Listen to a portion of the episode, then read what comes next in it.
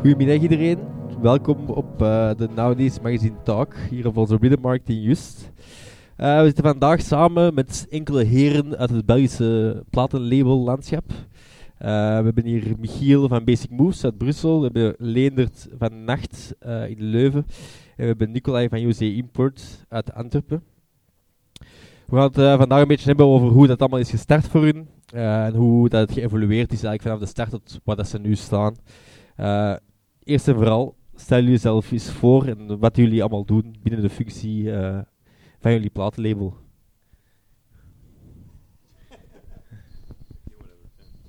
Uh, ja, dus uh, werk, werk ik kan al de micro, ja. ja, dus Nicolai, ik, ben geboren in de platenwinkel, om het zo te zeggen. Dus bij mij is dat een, een apart verhaal, in die zin dat mijn ouders in 1973 begonnen met de plaatwinkel USA Import. Dat is dan gaandeweg een verhaal geworden uh, waar we dan later over gaan hebben dat het een label geworden is, maar eigenlijk is het inderdaad effectief begonnen als, als platenwinkel. En dus ja, ik ben daar verder ingerold ergens uh, eind jaren 90 tot 2009. Het verhaal winkel dan, en dan daarna is dat verder geëvolueerd. Label, digitaal is dan nog verder gebleven. En nu zijn we zover gekomen. Michiel Crevet Records, distributeur, gaan we samen terug 50 jaar USA Import zaken terug uitbrengen. Want in 73 is het begonnen. Dus dat is een beetje mijn leven in deze context. Goed, uh, ik ben Leendert. Uh, ik uh, draai als pastiche en op Nacht eh, doe ik een aantal dingen. Nacht is onze organisatie in Leuven.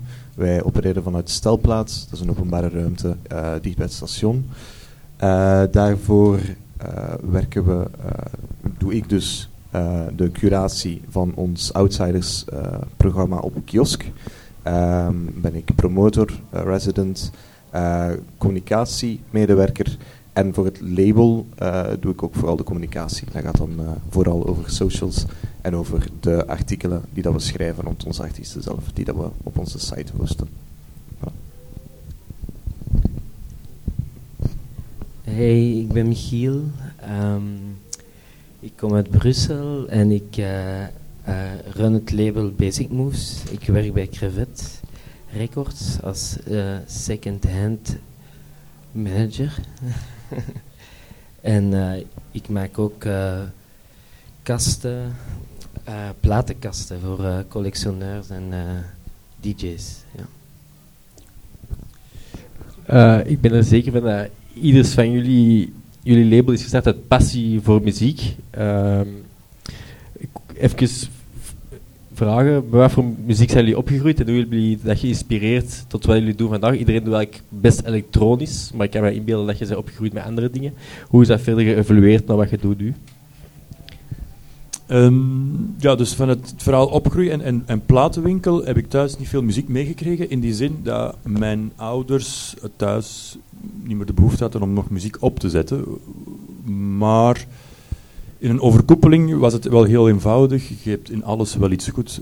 Dus ik denk dat ik nog altijd opgevoed word of opgroei met muziek. Dus in die, in die optiek stopt het niet. Uh, en ik denk dat de muziek dat waar ik dan wel in ben terechtgekomen toen ik ont opgroeien was, was, wel wat, wat, van Sonic Youth naar, naar uh, de, de hip-hop, uh, de, de Digable Planets of zo. Maar ik denk dat dat eerder iets is van ja, dat is wie dat we zijn nog voordat we echt gaan zeggen, je wordt opgegroeid in de muziek of gegroeid in de muziek verder. Dus ik, ik ben nog altijd bezig met daarin evolueren en, en, zoeken naar. Dus ja, vanuit die optiek, uh, er is niet echt een, er is niet echt veel slechte muziek, het is meer hoe dat jij gecentreerd staat in, in het leven wat u aantrekt. Dat is een beetje mijn uh, idee erover. Ja, dat is, dat is heel nice. Ik wou iets super alledaags zeggen, dus dat is uh, een goede nog op um, uh, ik zelf thuis ben gewoon opgegroeid met uh, de muziek van mijn ouders. Uh, het was niet super speciaal of zo, het was niet super elektronisch. maar ik herinner me wel dat ik een van de eerste keren dat ik naar de bibliotheek ging, de Greatest Switch CD's heb uitgeleend en dan geript op mijn computertje en dan ehm, op mijn MP3-speler heb gezet. En al die titels stonden verkeerd, want The Greatest Switch als CD werd niet erkend. Dus dan stonden daar titels van helemaal andere artiesten op. Dus het merendeel van mijn uh, 11, 12-jarige jeugd was achterhalen wat precies weer dat nummer was. Dat dan Skydiver heette op mijn, op mijn mp3-speler. Maar dan zo The Vamp Outline, Outlander was of zo. Um, en eigenlijk via die dingen ben ik in deze muziek gerold. Dat is het. Um, iets dat ik mij herinner uh, van lang geleden uh, is dat um, ik ben eigenlijk een drummer van opleiding. Ik heb uh, conservatorium gedaan in Den Haag. Um, jazz en improvisatiemuziek. En veel, veel vroeger, als klein drummerke, um, zocht ik een metronoom. Ik weet, ik weet uh, iedereen weet wat dat is, een metronoom. Ja? De maat te houden. En um, ik denk dat ik tien jaar was of twaalf jaar, zo mijn eerste jaar in de muziekschool. Um, en uh, toen heb ik online, denk ik al, een Roland uh, TR606. Nee, of is het een TR? Nee. Uh, TR606, ja, een kleintje. En uh, dat had ik gekocht als uh, metronoom, maar ik wist... Ja. En um, ja, voilà, vandaar is het eigenlijk allemaal begonnen. Mooi. Goeie verhaal. Uh, ja, voilà. Nicola, jij bent opgegroeid in de legendarische UC Import Shop hier in Antwerpen. Er zit hier een nieuwe generatie. Ik denk dat iedereen grotendeels wel zal weten wat UC Import inhoudt. Um, ja, hoe is het verhaal gestart? Ik weet, ik heb al heel veel meegebabbeld, dus het komt allemaal van uw papa. En, en de winkel in Antwerpen was, was, een van de eerste platenwinkels in Antwerpen. Maar daaruit is dan ook wel een label gestart dat eigenlijk ja, een beetje tand destijds heeft doorstaan. Jullie hebben Gabber gedaan, Minimal, uh, Rocco Granata, Confetti's, noem het maar op. Het zit allemaal op USA Import. Uh, hoe ben jij daarin opgegroeid eigenlijk? Want het is toch gestart met iets en dan is de Gabber... Ik denk dat er heel veel dingen tegelijk zijn gekomen in die periode. Allemaal bij USA Import. Hoe heb je dat meegemaakt eigenlijk? Ja, een beetje hetzelfde. Gelijk de, de muziek of waar je in opgevoed bent. Mijn moeder kwam wel thuis en die zei ook wel van hier is een nieuwe Dirk mee. Als in, uh, uh, dus je, hebt er wel, wel... In dat opzicht is dat wel een bepaalde... Ja, een leven dat je meekrijgt of zo. inderdaad, Rocco Granata, ik kwam er ook thuis. Ik kwam ook op mijn twaalf jaar in de Confetti's terecht, die, die, discotheek. Maar dat, dat, is wel, dat, is, dat zijn mijn ouders, dat is mijn familie. Dus op zich was dat een heel ja, dat, dat, dat was een job. Dus okay, dat, is niet direct om te zeggen van uh, iets, gek. De evolutie op zich is ook altijd wat, dat, wat ze zelf hebben gezegd. Je hebt gewoon altijd wel ergens goede muziek, of er is altijd wel iets dat interessant is. Dus in dat opzicht, die evoluties en hoe dat ik dat was. Ik was zelfs als kleine jongen, ah, toch al kleine, uh, middelbaar is dat dan, wat zit dan, uh, 13, 14 jaar, kwam ik in die winkel en dan zei ik ook auw, auw tegen de techno, want ja, ik was volledig in gitaar, ik was volledig into grunge, hè, waar dat toen als uh, 17 jaar of 16 jaar verplicht was, bij wijze van spreken. En dan zeiden ook die verkopers tegen mij heel duidelijk van, ja, wacht maar, later, wacht maar. Hè. Dus een drie, vier jaar later was techno een hele wereld geworden. En wat ik wel vind, uh, ik zou, en dan kunnen we later wel kijken, op, label zou ik even goed akoestische dingen uitbrengen, maar de, de filosofie van techno of, of technologische muziek vind ik wel super belangrijk en interessant, nog altijd. In die zin dat je, je hebt disco, en disco is misschien wel ergens gestopt, uh, jaren 70, 80, de wave gaat in de jaren 90, gaat de techno, en je hebt nu 2022 en je hebt nog altijd techno of technologische muziek. Dus dat komt bijna in de buurt van, van rock and roll of zo, dat, dat, gaat, dat heel lang mee en wordt nog altijd gemaakt. Terwijl een strikte discoplaat of zo wordt niet meer direct gemaakt of zo in mijn kennis of zo. Ik weet niet, er is niet meer echt zo'n pure new wave groep die zo groot is als, als in rock and roll of techno. Zo. Dus dat is, ja, dat is de beleving met je winkel. Dus dat is gewoon, ja, je hebt zoveel muziek, er is enorm veel muziek, uh, dat, dat, dat, dat gewoon nooit meer zal stoppen. Dus die opvoeding, ja, die, misschien zit dat er gewoon in, dat dat een oneindig verhaal antwoord blijft of zo. Leendert, Nacht, de allereerste release is onlangs uitgekomen. Het is eigenlijk een evolutie uit de clubnacht, dat stelplaats in Leuven, tijdelijke invulling. Uh, nacht is een collectief dat dan daar uh, een uh, clubconcert is gestart.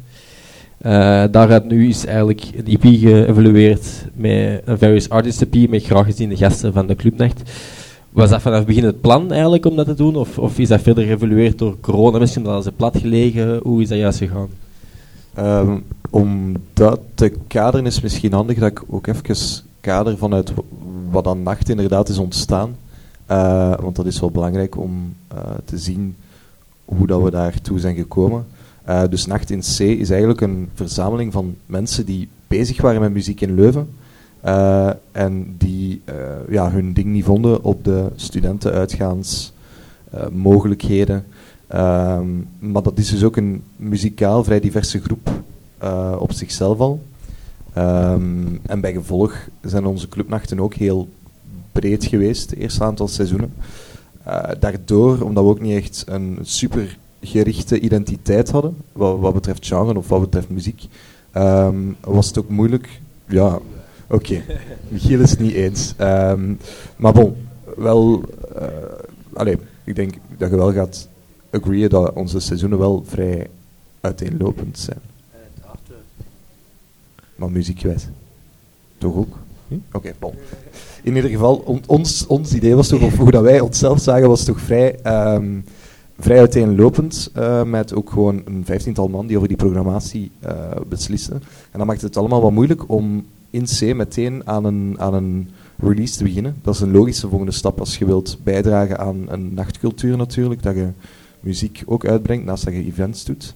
Um, maar eigenlijk is pas de, de echte schop onder het schat gekomen dankzij Crevet uh, en dankzij eigenlijk jullie initiatief van, uh, uh, van eigenlijk, om, om eigenlijk het nachtleven rond Brussel en in Brussel te verrijken. Um, waar dat jullie dus, allee, waar dat Crevet dus eigenlijk voorstelde om, om productie en, en distributie voor een rekening te nemen, zodat wij eigenlijk een, wij en een aantal andere artiesten um, een, uh, een, kader kregen waarin dat wij konden werken en onze release konden uitwerken, zonder daar te veel naar te moeten kijken. Want dat zijn natuurlijk wel de grootste en de meest intimiderende stappen om een label te beginnen. Um, eens dat we die kans dus hadden, zijn we vooral gaan kijken inderdaad naar welke artiesten hebben wij al, hebben wij al gehad. En wie daarvan vinden we interessant om, om, om op, ons, op ons label te laten uitbrengen. en we zijn dan geland met twee Belgische artiesten. één één duo uit, uit Duitsland. Um, en vanaf daar is het eigenlijk vlot gelopen. Relatief natuurlijk, maar daar gaan we later op komen op hoe lang de productie duurt. Um, maar we dus voor onze eerste release hebben we vooral gaan kijken. Het stond snel vast dat het een Various um, Artist EP moest worden. Um, maar dus, uh, ja, daar zijn we dus, uh, we hebben dat als uitgangspunt genomen. En gekeken bij welke artiesten er dicht bij ons uh, waren die coole tracks hadden en een cool, cool idee hadden. Michiel, Basic Moves, denk ondertussen, uh, zeker voor de mensen die bezig zijn met underground muziek, goede vaste waarde gekregen in België, al even bezig ook. Uh, ook enkel vinyl only. Jullie zetten jullie digitale releases op Bandcamp aan 1000 euro of zo, of 2000 euro, zodat ze enkel vinyl kunnen kopen. Uh, ja, het is, heel veel terugkerende artiesten. Jijzelf ook. Ik denk dat een dig van Fuse ook onder een alter ego heel veel uh, doen bij jullie. Hoe is dat geëvolueerd? Want je zit er al even mee bezig. Je hebt toch de goede underground mannen van Brussel zover gekregen om mee op de boot te stappen met u. Dus uh, hoe heb jij dat aangepakt van het begin? Het heeft lang geduurd. um, ik denk acht jaar geleden ben ik beginnen werken bij Dr. Vinyl. En um, op woensdag en donderdag en daar heb ik uh, Sebastian S., uh, Deeg, Mike DMA, um, ehm, Silferic, al die oude, ja, oude rotten. heb ik daar allemaal ontmoet. En um, ik had niet echt een idee om een label te beginnen of zo. Ik was eigenlijk voor, uh, vooral uh, muziek aan het produceren. Um, maar dan daar gewoon uithangen en we hadden ze net die overdosis gehad van uh, de New Beat van Sound of Belgium. was eigenlijk ontstaan in Dr. Vinnie. Uh, Jozef heeft die film daar eigenlijk geschreven, praktisch. En ik, had, ik er genoeg van, van New Beat. Echt. en ik wou, iets anders doen. En, en ehm, ik wist dat Deeg en Sebastian heel veel muziek hadden liggen. Maar dat zijn ook wel niet de gasten die daar zeggen van hé, hey, ik kan een pint drinken bij mij thuis of zo. Dat is echt wel drie jaar geduurd, heel rustig aan. Altijd opnieuw vragen, mag ik eens langskomen om eens te luisteren? En uh, de eerste keer dat ik bij Dig dan effectief naar zijn DAT's, dus Digital Audio Tapes, um, gaan luisteren ben, een hele leuke nacht. en is zijn DAT-speler helemaal uh, half ontploft of zo. En is heel die. Wat, het was echt zo de beste track. Ik, ik was zo van ja. En dan. Echt heel de tape eruit. En toen hebben we echt twee of drie uur bezig geweest met een potloodje. Om dat helemaal terug te draaien. Uiteindelijk hebben we het helemaal kunnen restaureren. En dat is de eerste basic moest. Ja, maar. maar dus al, alles neemt echt tijd. Tijd en um, um, hoe zeg je het? Ik denk elke release dat ik gedaan heb op het label, heb ik wel een connectie met, met de artiest of zo. Ik vind muziek is heel belangrijk en het uitgeven en, en het archiveren. Maar wat ook heel, heel belangrijk is, is gewoon um, naar iemand zijn verhaal luisteren en zijn leven luisteren en iets delen. En, ja. Dus, dat is een beetje... Uh, mijn volgende vraag een beetje, de, de terugkerende artiest op een platenlabel. Hè. Het is een fenomeen dat we denk ik bijna bij elk label terugkomt. Dat is een soort familie bouwen, dat er mensen meerdere releases doen op één label en eigenlijk soms zelfs vasthangen aan een label. Je ziet het bij UC Imports, bij de sublabels van UC Imports, bij Basic Moves is het ook zo. Hoe belangrijk is dat om die mensen te embracen en eigenlijk vanaf het begin te zeggen van ja, ik neem u niet mee voor één release, maar het is een verhaal dat we willen schrijven over meerdere jaren en je kunt bij ons terecht om mee te bouwen aan ons verhaal en wij kunnen meebouwen aan jullie verhaal. Hoe, hoe, hoe is uw ervaring daar bijvoorbeeld met een dig bijvoorbeeld? Uh, jij, hebt dat, jij hebt met, met veel mensen denk ik bij US Import. Uh, hoe pakte dat juist aan vanaf het begin? Om, om te zeggen van ja, en het ook te kunnen beloven misschien aan die mensen. Beloven is zo'n een, een zwaar woord. Hè. Um, ja, gewoon, um, ik weet niet, een conversatie. Ik zeg altijd een pingpong spelen of zo. Ik weet niet. Uh, een beetje uh, een conversatie starten of zo. Ja. Want bijvoorbeeld bij de ZAP, um, Signal komt, DJ ZAP van Uruguay. Die had mij een hele hoop tracks gestuurd en ik voelde het niet bij, bij het label passen. En dan achteraf is dat echt een, is een hit geworden. Er zijn er 3000 kopies van verkocht of zo. Transit. Maar het was gewoon niet mijn ding. Hmm. En daarna heeft hij mij blijven dingen sturen. En um, ja, ik was wel echt zo, deze misschien, dat. we hebben echt onze tijd genomen. En hij zei zo van, ja, in het begin vond hij dat zo wat vreemd. Van, uh, ja, maar allee, ik heb hier net 3000 kopies verkocht van mijn eerste single. En jij neemt mijn tracks niet aan of zo. En ik van nee, ik wil een beetje tijd, stuur nog maar. En dat heeft zo wel even geduurd. Het was een beetje, niet gênant of zo, maar dat was wel... Eh, we, babbelen, we babbelen daar nog wel af en toe over, over dat moment. Maar toen heeft hij mij... Zijn beide gelukkig nu? Ja, toen heeft hij mij ook gewoon begrepen ja, waar dat ik naar op zoek ben. Of zo.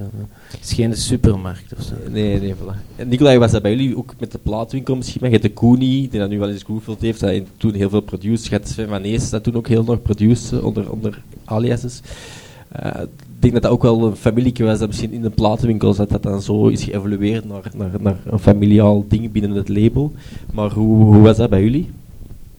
Ja, inderdaad wat je zegt. Uh, ik vind dat ook wel een heel, heel fijn verhaal, dat je je tijd neemt en dat je, je, weet snel van, ah ja, dat nummer is echt iets wat ik wil uitbrengen. En, en vaak heb je wat schrik van, oei, oei, als ik nu nee of nee zeg, dan gaat hem ergens anders naartoe. Vanuit die optiek dat je zegt, oké, je moet een familie creëren, dus je denkt van, oei, die gaan naar een ander label. Je kunt zo het voorbeeld nemen van, we hebben in de USA Import, ja, dat was een winkel en dat is heel belangrijk, die winkel die dan toch een, een, een, een ontmoetingsplaats is. Oké, en die winkel had ook nog eens een opnamestudio achter die winkel, waar de mensen wel terecht konden. En letterlijk 24 uur bezig waren en, en dan s'morgens uit die studio kwamen naar voren en zeiden van, kijk, ik heb dit gemaakt op zo'n en dat. Dat werd dan afgespeeld en getest en gaat dan andere DJ's die er waren, zo, wat is deze? Ja, dat is iets dat juist gemaakt is, dat gaat waarschijnlijk uitgebracht worden. Dat was een leven op zich hebt er ook veel meer platenwinkels, dus hebt wel veel meer die mogelijkheden. Nu hebben we weer andere mogelijkheden door gewoon online alles te kunnen beluisteren en opnieuw en opnieuw en opnieuw. De, de, de, de periodes zijn ook anders geworden in termen van hoe lang duurt het voor iets te drukken. Dus je kunt wel en je mag je een tijd nemen. Maar een ander label, zoals bijvoorbeeld een Warp of zo, die, die hebben artiesten van dag één en die hebben die nog altijd. Ja, dat is dan weer echt een familie of zoiets. Of dan, waarom is dat? Ik denk dat dat misschien ook wel zeker een klik is geweest, maar ik denk dat het ook wel een, een behoorlijk contract is. Waardoor, dus dat, dat, dat zal eigenlijk wel een dunne lijn zijn. Het verhaal bijvoorbeeld bij US Import is heel duidelijk altijd geweest. Je hebt bepaalde artiesten gehad in de jaren 90, zoals een Koen, een Van of een Push, Mike, Universal Nation, is begonnen bij US Import op zijn 15 en is dan naar Bonsai gegaan en heeft daar zijn wereldhit geschreven. En zo is dat heel veel geweest en heel vaak geweest. Dus je kunt wel zeggen, ik wil die artiesten wel allemaal houden, maar daar heb je geen bout bij of zo. Ik denk, ik zie ook veel in Amerikaanse labels, je gaat ook veel één artiest, is ineens op zes, zeven labels. Ja, dus je bijvoorbeeld die, bij die Mike Push, dat is eerst US Import en dan Bonsai. Hoe gaat dat dan? Moet je dat loslaten? Dan gewoon een contract met Mike Push en je krijgt waarschijnlijk een aanbod van Bonsai. Ja, dat, dat is een ding, ja, dat, dat, loopt zo, inderdaad. Ja, dat is, je kunt er ook geen, geen wrok over hebben. Of zo. Je hebt meer zoiets van, oké, het gebeurt. het is, het is, hij is vertrokken. En dat is ook natuurlijk, hij voelde zijn eigen misschien beter ook bij de, de crew van Bonsai. Terwijl in het begin, US Import, zat hij er als, als vreemde eend van 15-jarig manneke bij, omdat zijn broer in de winkel kwam. En die kwam dan ook terecht bij gasten van Koenie, die in een café dan vers draaide in de Roxy. En dus die had ook zoiets van, oh wauw, ik wil hier wel mee zijn, maar mijn muziek is toch anders dan wat die mannen doen. Dus ja, dat is allemaal, en, en zo had ook eh, Saint-Germain, uh, Ludovic Navarre, zijn eerste release is ook op US Import. Maar die kwam toevallig uit Parijs in de winkel, dat was met, met Laurent Garnier, Jeff Kay, hier, hier geeft u cassetje af. Die geeft zijn cassetje af, drie uur later komt hij terug. Mijn vader heeft toen gezegd, oké, we gaan deze uitbrengen. onder subsystem dan toch? Ja, voilà. ja dat was onder subsystem. En dan, ja, oké, natuurlijk, ja, dan gaat hij terug naar Parijs en dan begint hij op FCOM en, en, en, en, en zo verder en zo voort je kunt wel een familie creëren, dat hebben wij ook altijd geprobeerd, zowel tussen de jaren 90, 2000, 2000, 2009. Maar uiteindelijk zijn er ook maar drie of vier mensen die echt nog leven van hun muziek, die er toen waren. Dus ja, in die familie, uw klik en uw, en uw, uw gegeven, ja, dat, het belangrijkste is dat dat gewoon goed blijft voelen. Zowel voor het label als voor de artiest. En als een artiest op een gegeven moment zegt van, ik wil weg, en dan, moet, dan kun je zeggen, ja, nee, ik heb getekend nou, dan krijg je ook alleen maar slechte muziek. Uh, dus, uh. Oké, okay, veel werk. Uh, even over de distributiesector gaan we het hebben. Michiel, jij zit bij Crevet. ik denk dat misschien Alf, Alfred, u zei, ik zal misschien meer doen. En jij zit de tweedehandssectie van distributie. Maar u bent wel een distributeur, laten we het zo zeggen. ik weet dat je Import gaat heruitbrengen en Nacht gaat heruitbrengen, allemaal bij uw distributie. Dus hoe belangrijk is een distributeur? Uh, ik denk, jij als positie zijnde, ik ben distributeur, en zin zijn van, zijnde van, ja, we brengen uit, we hebben er een nodig. Hoe belangrijk is dat eigenlijk, zo'n tussenpersoon? En waarom zeg je niet gewoon van, ja, ik zal het allemaal wel zelf doen? Uh, ja, ik denk, uh, het zelf doen is, is heel ambitieus altijd, maar um, ja, er zijn gewoon kanalen en er is een soort van systeem um, binnen de underground muziek. Uh, ik, ik ben zelf eigenlijk uh, tweedehands manager van de platen, dus ik heb niet echt zoveel te maken met de distributie. Uh, maar ik weet er wel een beetje van. het is een zoektocht. We zijn op het gemakske onze, onze, ons plekje aan het vinden in, in die wereld. Ja. Het is niet altijd even makkelijk. zeker niet met de grote oude...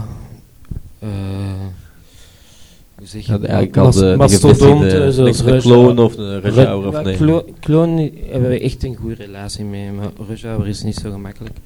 Uh, Hardwerk is ook niet zo gemakkelijk. Um, ik denk dat die zo nog, ik weet niet, die zitten nog zo in een systeem van 15 jaar geleden, toen dat ze nog 3000, 4000 kopies verkochten van een single. Ehm, maar wij, wij hebben een soort van andere, andere feel. We, brengen niet meer dan v- 500 tot 700 kopiekjes uit.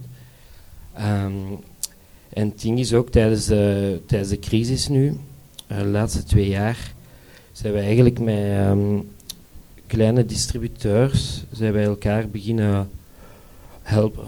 We zijn eh, dingen beginnen opsturen naar elkaar. En eh, in consignatie, dus je moest er eigenlijk niet voor betalen. Je mocht er alleen maar voor... ah, je moest betalen wanneer dat het verkocht was. Ehm, en dat, dat gaat niet bij kloon of zo. En zo hebben we elkaar wel wat geholpen en hebben we een soort van...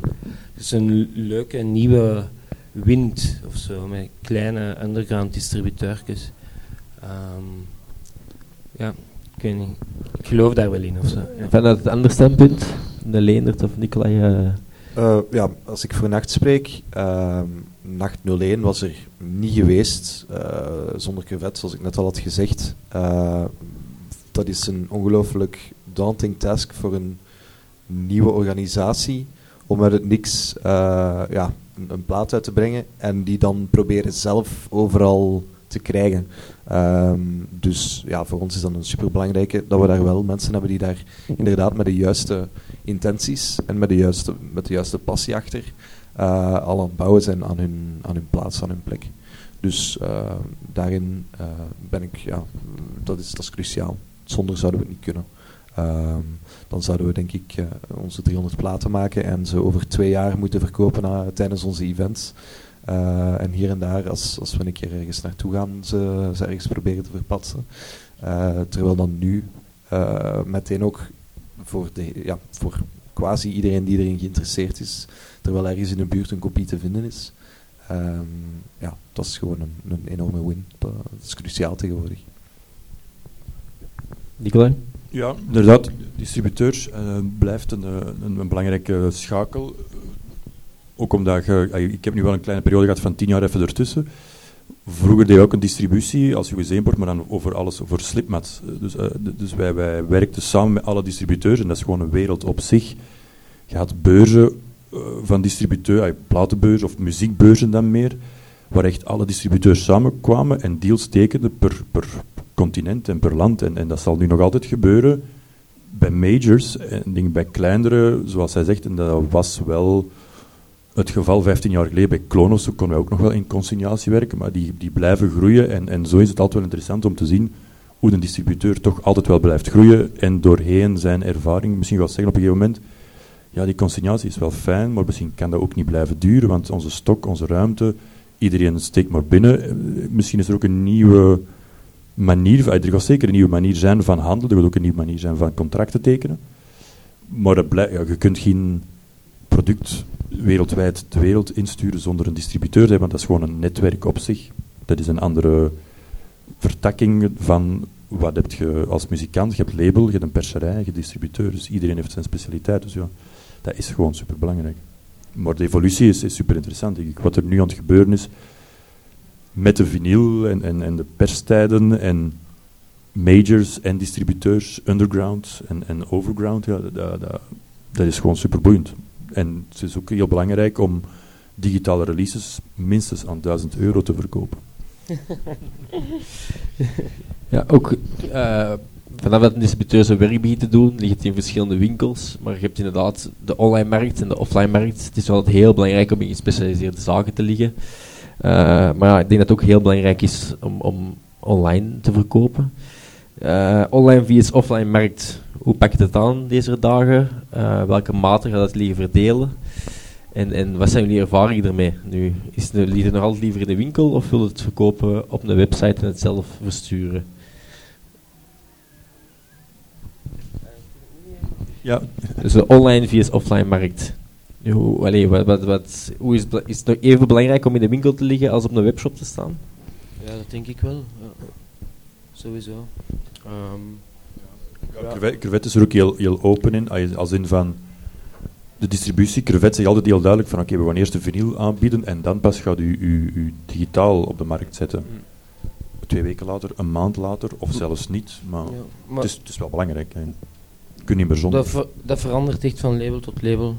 Want eh, Le Motel, ehm zijn label, die heeft nu eigenlijk ehm eh, eerst de digitale en dan zes maand later de, ehm de vinyl.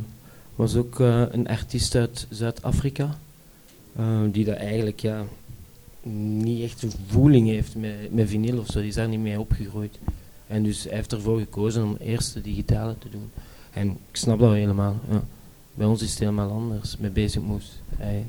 Ik heb een contract getekend met mijn artiesten om enkel vinyl te doen. En ja, voilà. Dus een beetje anders. Ja, bij nacht, als ik daarop eh, kan inspringen, doen we allebei. Ehm, simpelweg als een toegankelijkheidskwestie. Ehm, mensen die de plaat graag willen hebben, kunnen de plaat perfect kopen. Mensen die hem niet in de buurt vinden of eh, die te laat zijn ermee, kunnen hem dan digitaal nog hebben. Ehm, we gaan dat denk ik zo houden, maar ik ben sowieso wel fan. eh, dat is ook zoals ik het eigenlijk had gepitcht initieel in ons, eh, in ons team. Om eerst die plaat inderdaad uit te brengen. Ehm, daar dan de respons van af te wachten en, eh, en dan pas u digitaal te releasen.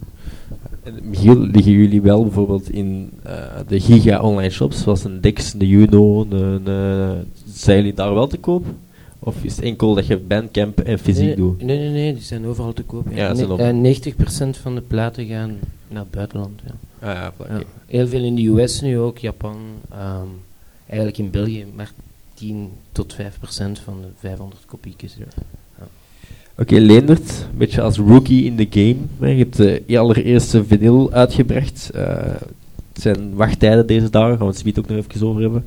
Eh, zijn er een beetje tips aan mensen die hier misschien een label willen starten? Struikelblokken waar je zijn overgegaan?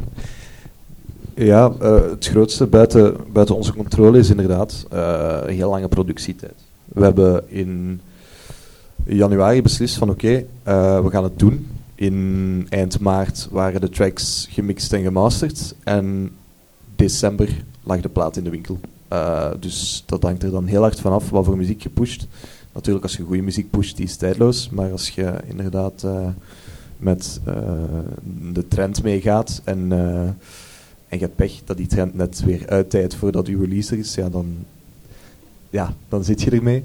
Ehm, dat is natuurlijk wel zeker alleen om rekening mee te houden. Wat ik zelf wel belangrijk vond en wat ik ja, eigenlijk gewoon iedereen wel aanraad, ehm, is om van uw fysieke release eh, meer te maken dan simpelweg uw muziek op die plaat. Ehm, eh, dat is misschien heel vaag om te zeggen, maar eh, ik denk daarmee dan hoe dat we meer, of het merendeel van de mensen nu muziek consumeert, is algoritmisch, is streamen. Ehm, als je in je Discover Weekly een vette track vindt, je zet die in je favorieten en af en toe komt je daar een keer op terug. En die track die leeft gewoon, die zweeft daar ergens en je hebt daar niks om daar aan te binden, want je hebt die leren kennen via Discover Weekly.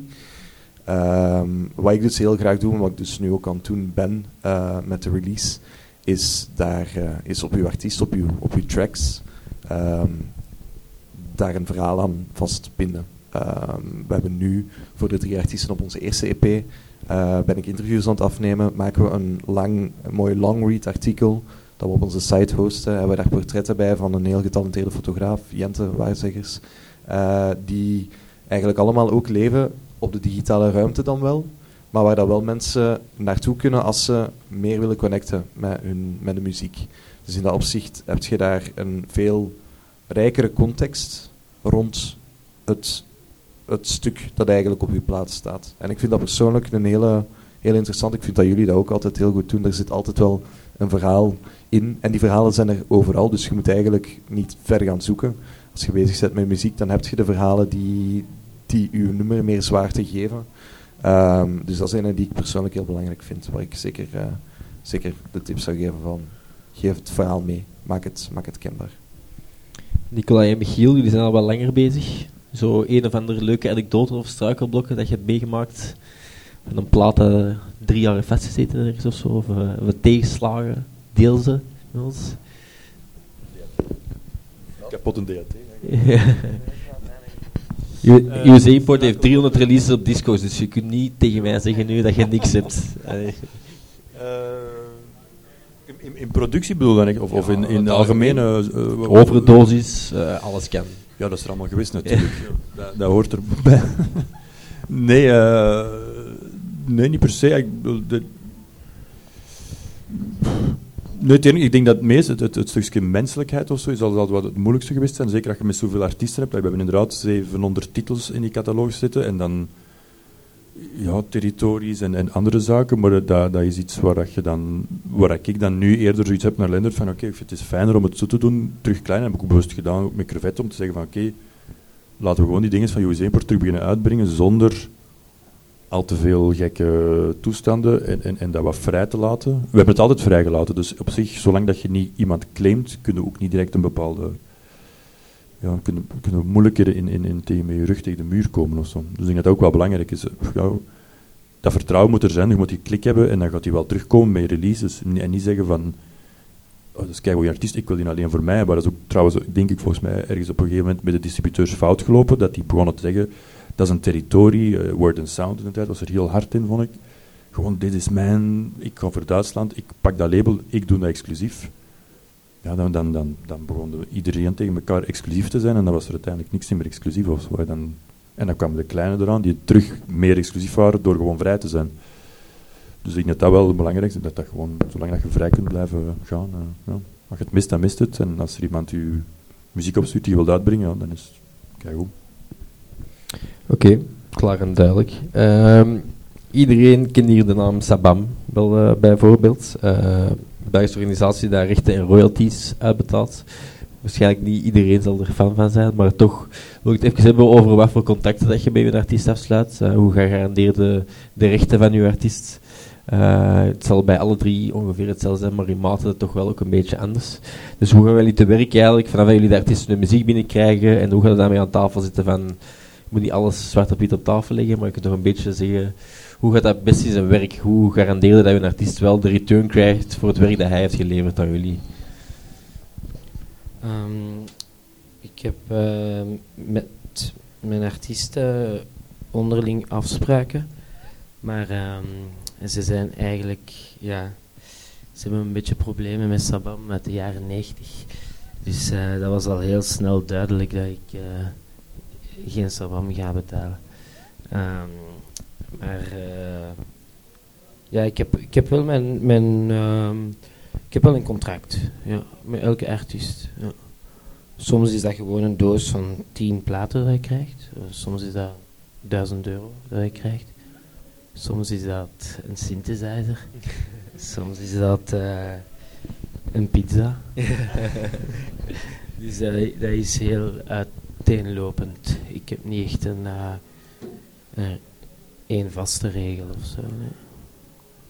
Leendert, misschien various artists, interessant. Verschillende artiesten onder één dak. Ja, dat is, dat is heel interessant, inderdaad. Ehm, we hebben daar het geluk dat we een hele goede boekhouder hebben. Ehm, die, team, eh, die deel uitmaakt van ons team. Ehm Shout-out Hans Steenbergs. Ehm, die eh, heeft zelf eigenlijk gewoon even gekeken naar wat er gangbaar is eh, wat betreft verloning van een artiest, exclusiviteitsperiode. Ehm, en eigenlijk proberen we daar zo correct mogelijk in te zijn. Het ding is ook, we zijn met Nacht een organisatie first die, eh, die evenementen geeft. Maar we zijn ook, we doen dat in een ruimte die door de stad wordt beheerd. Dus daar moeten we altijd een beetje rekening mee houden. Ehm, we moeten ons altijd, eh, allee, als wij iets niet naar behoren zouden doen, dan zou het ook slecht doorschijnen. En bij gevolg hebben we daar wel wat druk om wel degelijk met, eh, met contracten te werken. Maar die zijn meestal heel, ehm, ja, heel non-committal. Eh, wij betalen de rechten voor die track voor normaal gezien een periode van 10 jaar. Ehm, en dan daarnaast krijgt de artiest natuurlijk ook eh, wat kopies van, van de plaat. Maar dat is eigenlijk enorm, ja, enorm low stakes. Daar zit niet echt veel, eh, ja, niet veel, niet veel gerampsland bij. Dus. Ja, nee, ik denk ook wel dat wat, dat- wat je doet is zeker niet slecht, denk ik, omdat nu, nu ben ik bezig met alles terug uit te brengen van, van oude catalogus. Ook een nieuwe artiest gaan we terug uitbrengen, dus, eh, maar dat is dan pas in 2023. Er gaat ook een boek komen over 50 jaar, het verhaal. En dat, dat wil ik zeggen dat ik terug ben beginnen gaan zoeken naar uh, artiesten en releases en contracten. En ik moet zeggen, door het feit dat dat allemaal goed was bijgehouden en dat was allemaal proper gemaakt, dat waren echt mapjes, artiest, release, contract, uh, een mastercontract en een publishingcontract altijd. En dan kun je nog gaan kijken hoe dat je het verdeelt. Dus sleutel 20%, 50-50. Publishing was toen gangbaar, maar dat, dat is nu allemaal te bekijken. Maar ik denk dat het wel belangrijk is om dat contract gewoon te hebben. Ik had onlangs ook nog iemand die mij belde voor een track die op een ander label was uitgekomen, maar onder contract stond bij USA Import, dat we zelfs niet meer wisten. Dat we zoiets hadden van, ah ja, wauw, fijn, oké, dus gaan zoeken, zwart op wit, zelfs de fax die werd gestuurd in de jaren 91 was het, waar er duidelijk zou, de licentie is goed voor twee jaar en klaar. Dus dat was ook zo van, ah ja, oké, dus die track is eigenlijk al 30 jaar toch terug bij ons, terwijl we het niet, niet wisten, door, maar door de contract, dus ik denk dat wel een contract sluiten belangrijk is. Een contract gaat alleen maar nodig hebben als het slecht gaat. Dus zolang dat goed gaat, is alles oké. en dan maar ik vind het wel interessant om nu, 30 jaar later, 40 jaar later, die mappen open te doen en te zeggen, oké, weet je, allemaal goed. Ik denk dat dat ook wel heel belangrijk is. Je kunt inderdaad met pizza's werken en zo, maar je kijkt naar 30 jaar verder en je, gaat, je label gaat groeien, gaat het wel fijn zijn dat je kunt zeggen van, oké, eigenlijk, wauw, zijn dat goede vrienden gebleven, kunnen ze bellen. En dat is ook wat wij nu ook doen met onze grootste artiesten, want die contracten zijn eigenlijk ook niet meer echt zo geldig, als het ware. Je zou kunnen zeggen van, ja, 40 jaar oud, op alle mogelijke dragers en nog te ontdekken dragers, is dan zo'n zin die erin staat.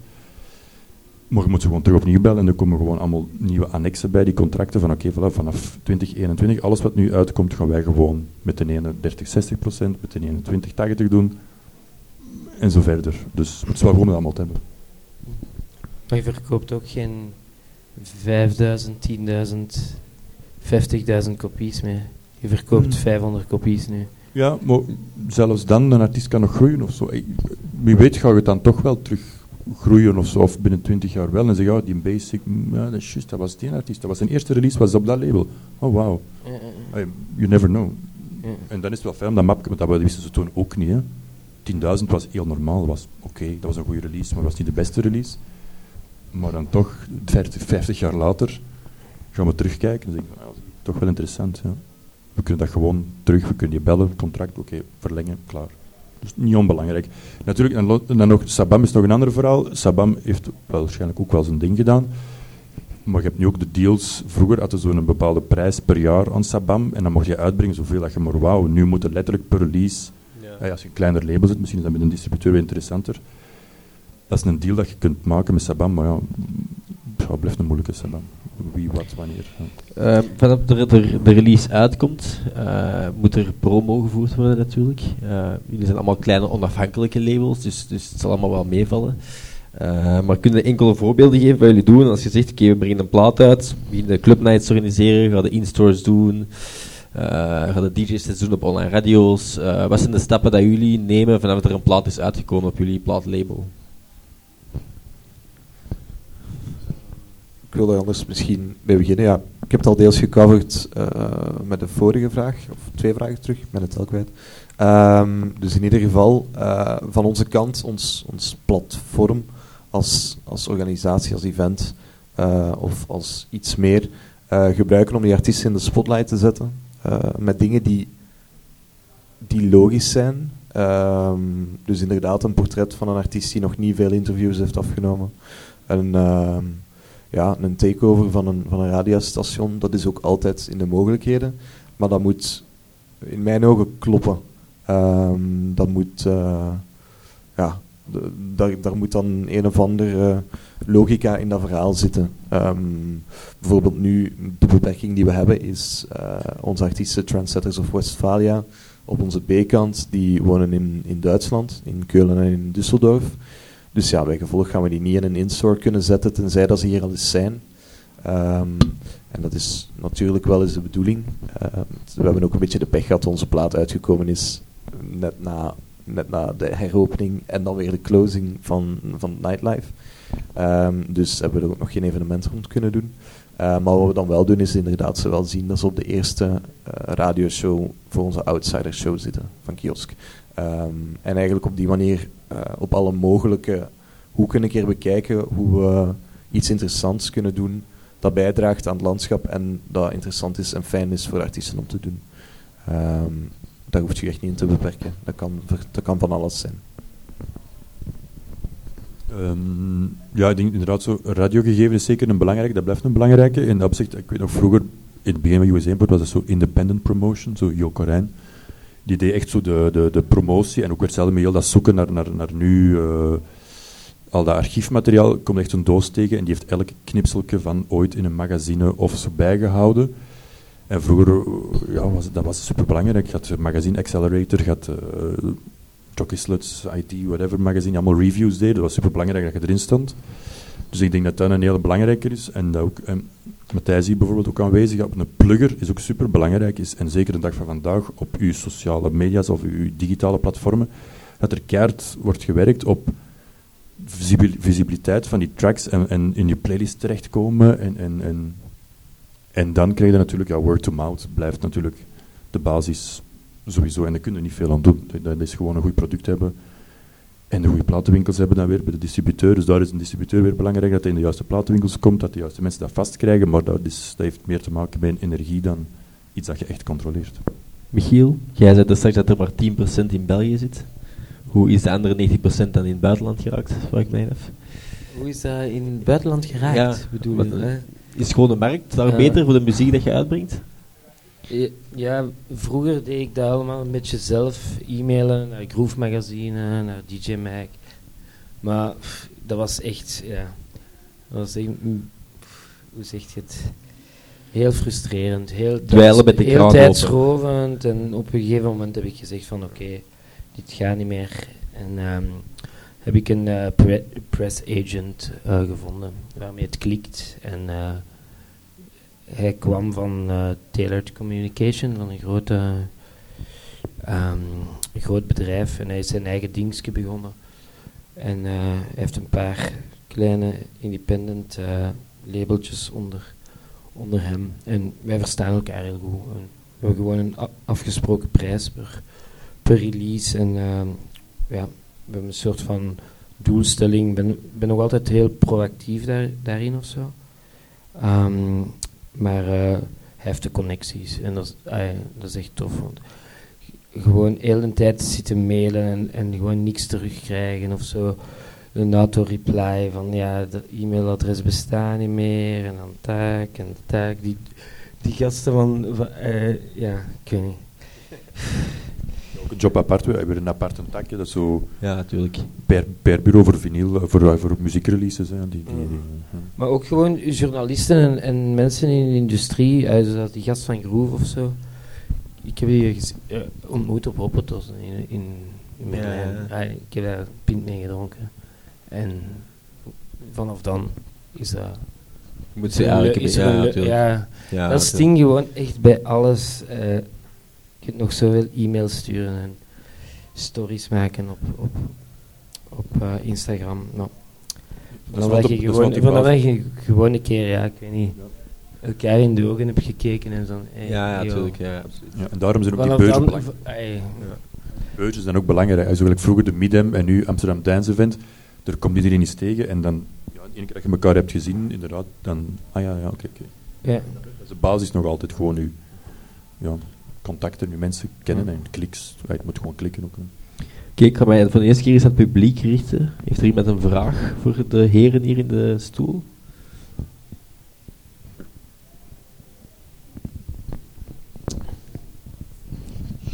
Niemand? Ja, dan gaan we door. Het is oké. Eh, Nicolai, USA Import heeft echt wel een paar handen vol nu, eh, sublabels. eh, ehm, Atom Records hebben de, ja, ik ga ze niet allemaal opnemen, want het zijn een toch een stuk of tien. Vaak start een sublabel om genres onder een andere label, allee, om eigenlijk onder het moedermaatschappij USA Import te kunnen blijven, maar toch eigenlijk het genre te focussen in een sublabel. Ehm, hoe zijn jullie sublabels bij jullie ontstaan? Wanneer je eigenlijk van ja, oké, hier komt iets binnen, ja, dat gaat eigenlijk niet echt op US import, dus we starten een sublabel, want daar gaat het beter bij passen. Ja, ik denk, persoonlijk ben ik op dit moment niet meer zo zeker van al die sublabels of zo. Ik denk, in de jaren 90 was dat een belangrijk eh, ding of zo. Ja, wat was een beetje meer techno, het was een beetje meer house, het was een beetje meer trance. Dus laten we dan maar labels creëren, want ja, het verkocht ook op een andere manier of zo. Maar ik denk dat, eerlijk gezegd, dat het heel eenvoudiger geweest om alles onder US Import te houden en gewoon één groot label. Kijk, Ninja Tunes of, of, van die grote Mute. Uh, Cramped Disc vind ik ook zo'n heel goed voorbeeld. Uh, die, die, die, die veel zo de Afrikaanse als de elektronische muziek uh, kunnen uitbrengen. Dus sublabels, ik zou er de dag van vandaag van afstappen, persoonlijk. Hoe is dat gegroeid? Ja, werd hetzelfde. Door, door dat kliksje in de studio wil een Wonka hebben, dat is een wat die stijl en dat was allemaal zo. En die wil wat meer de techno, dus dat is dan dat labeltje. Maar de dag van vandaag is dat toch allemaal veel. Elektronische muziek was toen net begonnen, dus ja, ik denk dat we nu 30 jaar verder wel zoiets hebben van ja, techno, house, trance, alles komt wel wat in elkaar uh, gesmolten. En dan, kun je natuurlijk, dan kunnen we wel zeggen, oké, okay, dan gaat er naar totaal iets anders. Misschien wel, dat je puur een ambient label wilt zijn, want je hebt wel een techno label, ja, waarom niet? Maar gelijk dat USA Port heeft gedaan in de jaren 90, zou ik het nu zeker niet, niet opnieuw doen. Dat is alleen maar moeilijk. Michiel, bij Basic Moves Gems Under the Horizon. Uh, ik denk dat er nog maar één release is uitgekomen, als ik het goed ja. heb gezien. Uh, ik weet dat ik, ik ben ooit in, op een event geweest aan Under the Horizon. Dat, is, dat zijn hele coole uh, events, rust, rustiger als, als, als dat we Basic Moves kennen. Wat mogen we er nog van verwachten? Komt er iets aan terug? Want het is al een tijdje geleden dat we ja. er iets van gehoord hebben. Ja, elk jaar doe ik, ga ik een release doen. Dus binnen drie maanden is er een nieuwe release. Ja. En het is muziek van um, over heel de wereld. uh, van Lithuania tot Zuid-Korea. Het is een, various artist, vier tracks. Berlijn, um, Lithuania, Zuid-Korea en uh, Colombia. Um, op het gemakske. maar ik wil wel heel graag terug uh, events beginnen doen, maar op dit moment Oh, dat, dat, is altijd zo'n risico, jong, financieel. Weet je, als je een plaat... Je investeert 3000 euro in 500 tubelaars of 4000 euro in 500 tubelaars. Je weet van, je gaat dat terugkrijgen in een half jaar of zo. Maar met een event... Oh, ja, ik weet niet. Dat is altijd zo een... Ik heb geen subsidies. Um, ik ben gewoon zelfstandige. Um, dus het is echt allemaal mijn eigen kapitaal. En uh, op dit moment is dat gewoon uh, te, te, risicovol om, om events te organiseren eigenlijk. Dus ik laat mij liever uitnodigen door Listen, Festival en dan mag ik een podium cureren. En uh, dat vind ik allemaal heel fijn. Ja. Oké, okay, we zeggen van vroeger of nu start een sublabel om subgenres te kunnen gaan onderverdelen. Hoe belangrijk zijn genres eigenlijk? Jullie zitten alle drie in het elektronische circuit. Ik denk dat jullie, als ik jullie alle drie ken, zeker veel verder gaan als het elektronische circuit.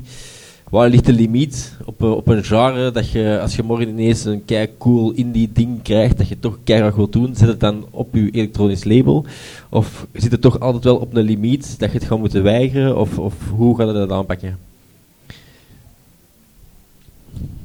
Kort, ik denk dat ik op dit moment wel zoiets heb van, is het goed en is het, is indie of, of gelijk wat ik denk dat ik wel zoiets heb van, ik breng het gewoon uit op één label. Uh, bij ons moeten we een beetje rekening houden met de verwachtingen die dat je schept, omdat je al events doet. Uh, maar los daarvan hebben we ook wel bepaald dat het label ook een uitlaatklep kan zijn voor wat gelinkt kan zijn met nacht maar niet per se op een event hoeft te staan. Dus dat kan dan inderdaad ook minder dansbaar of dansbaar met een hoek af of ambient of iets anders zijn. Daar hangt het vooral af van de persoonlijke connectie die we hebben met de artiesten. En of dat dan een logische stap is dat ze dan bij ons daarmee komen met dat project. Of dat de beste stap is voor hun ook. Uh, dat is een beetje wat wij hanteren. Um, ik hou heel erg van, uh, um, hoe zeg je het, een soort van uh, afbakening of zo. zo. De eerste tien releases van Basic Moves waren singles, dus twee tracks, elke, elke kant. De volgende tien zijn um, uh, six tracks, dus eigenlijk dubbels, dubbel maxis. En dan na nummer 20 ga ik het uh, afsluiten en ga ik verder met een nieuw project. Uh, samen met mijn collega Jacob van Crevet gaan we een nieuw label beginnen. En um, noemt Easy Lee. En uh, het gaat tegen volgende winter gaat het er zijn. En het, is een um, Easy Lee is een, ook een, dedication naar Ricardo Villalobos. Uh, het nummer van Ricardo Villalobos. Um, en het wordt een compilatie uh, serie van tien releases. Uh, dus we gaan eigenlijk aan artiesten vragen om hun favoriete muziek te compileren. En gaan we in de wereld van de licensing zo terechtkomen. Daar zijn we nu volop mee bezig. Heel interessant. Ja.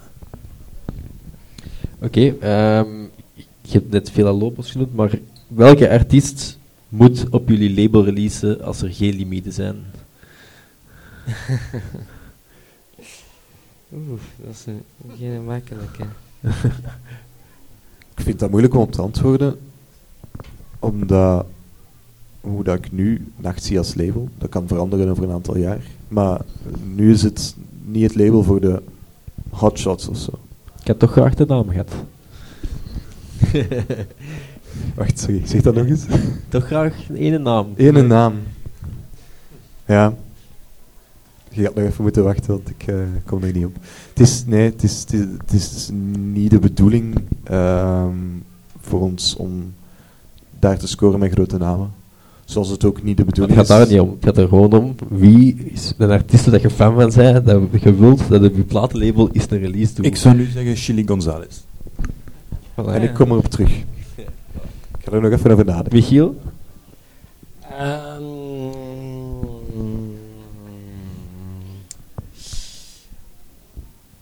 Maris van Oswald, Jeff Mills, Ricardo Villalobos. op die compilatie. Die drie, die drie uh, dat is, dat is de eerste compilatie van Easily. Uh. ja. Wat ik persoonlijk wel cool zou vinden, zou zijn om een retrospective te doen van Neil Landstrom of zo. Dat zou ik wel nice vinden. Daar okay. kunnen veel kanten mee op. Ja. En dat is ook wel dancey en soms niet. Ja. Okay. Ik ga nog één keer terug naar het publiek. Zijn er vragen nog? Of is het nog altijd verlegen zijn? Nee, oké, dan is het uh, mijn laatste vraag dat we altijd doen, terugkeren. Wat mogen we nog van jullie verwachten binnen dit en een jaar? Ambitieus gewijs, dat je veel tweedehands platen kopen van Crevet. Oké. Okay. Die winkel liggen. Een pakje liggen. Ja. um, ja, Gems, nieuwe release, nieuw leven met Jacob. Tot nummer 20 verder met Basic Moves. Uh, voornamelijk nieuwe artiesten. Een meisje van Chicago, Dana. Um, een gast van Brussel. jonge, jonge artiesten. En als laatste plaat, die staat al klaar. Ja. Dat is uh, Mike, dus Circadian Rhythms en Mike DMA. Um, ja, die is al af. af. Nummer 20 is af. Oké, okay. top. Um, mijn nacht uh, in de onmiddellijke toekomst uh, gaan we onze tweede release beginnen preparen. Uh, dat is wel een fijn verhaal. We hebben twee, allee, een duo uit Frankrijk die een week lang in stelplaats residency gaat nemen en daar dan tracks gaat maken. En die brengen we dan later uit. Uh, dus dat wordt heel fijn. Dat is ook een fijn verhaal om te brengen. Uh, we halen die omdat ze gesplit zijn. De ene woont in Griekenland en de andere in Frankrijk. Maar vroeger maakten ze samen muziek. Uh, dat is ook gewoon voor hun dan een fijne reunion kans. En voor ons leuk om ze dan in de club iets te laten doen. echt gewoon daar eigenlijk de muziek maken in de omgeving die wij gebruiken om onze feesten te doen. En ja, in true nacht fashion gaan wij daar ook dan dagelijks gaan koken voor hen. En desnoods uh, melk opwarmen en hun nog een uh, slaapverhaaltje vertellen of zo. Uh, goed voor ze zorgen. en dan, ja, begin midden 2023 of zo kunnen die plaat dan zien. Dus ja, nee, het, zal wel, het zal wel vroeger zijn hopelijk. Maar dus wel. Nicolai, ik weet wat er allemaal gaat gebeuren, maar zeg het eens wat er allemaal gaat gebeuren. Ja, op zich is het vrij... eh, het is nu net terug begonnen, het 50 jaar OEC-programma terug uitbrengen. Dus de perstijden duren zo lang, dus ik weet perfect over binnen een jaar wat er gebeurt. Twee releases. Twee 12 inch, oude Lisa en Elias releasen terug met Toulouse Slow Tracks remixen. Eh Liaison die best of 12 inch en dan tegen het eind van het jaar, kerstperiode, eh, de hardest compilatie. We hebben dan gekozen om drie volumes te doen van de catalogus. eh, en we hebben ze omgedraaid in de richting van hard, het hart, harder, hardest. Maar we beginnen met hardest, harder en hard. Maar dan zitten we drie jaar verder, gezien de perstijden. Dus dat komt er tegen het einde van 2022, begin 2023. En dan komt er ook nog eens een boek, 50 jaar platenwinkel, uit over het verhaal, over gewoon allemaal mensen terug gaan vragen, van distributeurs tot klanten, tot eh, artiesten. En dat gaat uh, Koen Galles schrijven, samen met ook uh, de Telex mensen per bureau. Dus dat wordt een beetje 2022, 2023 verhaal voor USA Import nu. En een t-shirt. Een t-shirt ook, ja. ja. Klopt. Dat logo is al lang geleden doorgemaild, hè, Michiel? dat, dat, logo zit al lang in uw mail, hè? Zeg Dat logo zit al lang in uw mail, hè, van die t-shirt? Ja, nee, we hebben, een, we hebben een deal, maar dat ga je zien. Nee, super. Ik wil jullie alle drie bedanken om hier te komen zetelen. Uh, ik hoop dat iedereen er een beetje van genoten heeft van de taak. Uh, kun je nog terecht, niet in